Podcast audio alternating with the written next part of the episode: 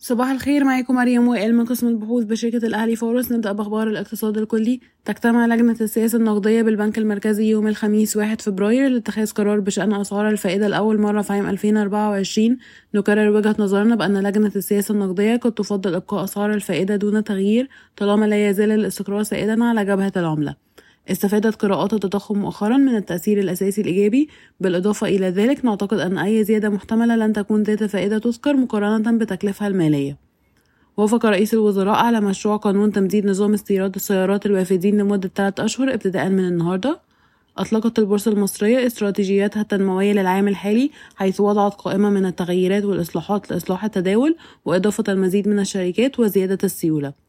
قال الرئيس التنفيذي لشركة سنتمن أن حصة مصر من إنتاج منجم السكري العام الماضي بلغت 130 مليون دولار.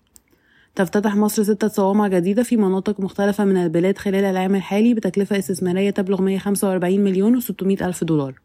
ننتقل لأخبار القطاعات والشركات. أصدرت أعمق المؤشرات المالية للربع الثاني من 23 24 انخفض صافي الربح بنسبة 19% على أساس سنوي وانخفض بنسبة 10% على أساس ربع سنوي ليصل إلى 370 مليون جنيه في الربع الثاني من عام 23 24 وعلى أساس نصف سنوي انخفض صافي الربح بنسبة 8% على أساس سنوي ليصل إلى 782 مليون جنيه في النصف الأول من 23 24 يتم تداول السهم حاليا عند مضاعف ربحية العام 23 24 6.5 مرة و EV to EBITDA 3.8 مرة. سجلت شركة مصر للصناعات الكيماوية صافي ربح في النصف الأول من عام 23 24 281 مليون جنيه وده نمو بنسبة فاصلة اتنين في المية على أساس سنوي. قرر مجلس إدارة شركة مصر للصناعات الكيماوية زيادة رأس المال المصدر والمدفوع للشركة من 292 مليون و500 ألف جنيه إلى 438 مليون و750 ألف جنيه. يتم تمويل الزيادة من أرباح العام المالي 22-23 من خلال توزيع أسهم مجانية. أصدر البنك التجاري الدولي أول سندات توريق مستدامة اجتماعية بقيمة 3 مليار 806 مليون جنيه لصالح شركة تسهيل للتمويل إحدى الشركات التابعة لشركة أم أن تي حالا.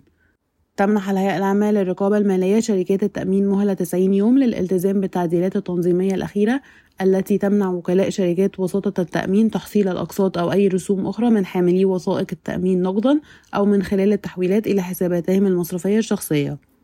ضخ البنك الأوروبي لإعادة الأعمار والتنمية ما بين 600 إلى 700 مليون يورو في القطاع المصرفي في عام 2023 تم تقديم الأموال إلى سبع بنوك محلية موجهة بشكل رئيسي نحو دعم الشركات الصغيرة والمتوسطة. يتعاون البنك المركزي المصري حاليا مع الجهاز القومي لتنظيم الاتصالات ومكتب الائتمان المصري آي سكور لتطوير الإعدادات الفنية لمشروع الإقراض الرقمي بناء على التقييم السلوكي للعملاء. ارتفعت صادرات مصر من الأسمنت بنسبة 14% على أساس سنوي في عام 2023 لتصل إلى 770 مليون دولار. تعتزم شركة القناة للتوكيلات الملاحية زيادة رأس مالها إلى 300 مليون جنيه بزيادة قدرها 100 مليون جنيه عن طريق إصدار مليون سهم مجاني.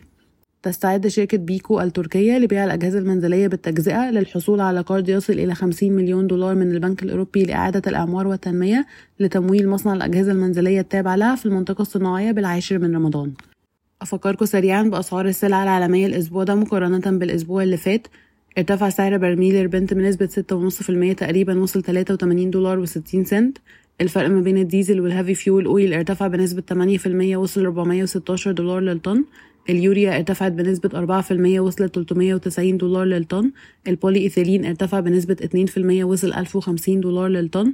البولي بروبيلين ارتفع بنسبة واحد في المية وصل تسعمية وخمسين دولار للطن. الفرق ما بين أسعار الحديد وخام الحديد ارتفع بنسبة واحد في المية مقارنة بالأسبوع اللي فات وصل تلتمية واحد وتمانين دولار للطن. سعر الألمنيوم ارتفع بنسبة خمسة ونص في المية وصل ألفين ميتين تمانية وتلاتين دولار للطن. الأسمنت في مصر ارتفع بنسبة فاصلة اتنين في المية وصل ألفين مية ستة وتلاتين جنيه للطن. الفحم الحراري انخفض بنسبة فاصلة سبعة في المية وصل مية سبعة وعشرين دولار للطن. لبن البودرة ارتفع بنسبة واحد في المية وصل ألفين ستمية تمانية وتلاتين دولار للطن. شكرا ويوم سعيد.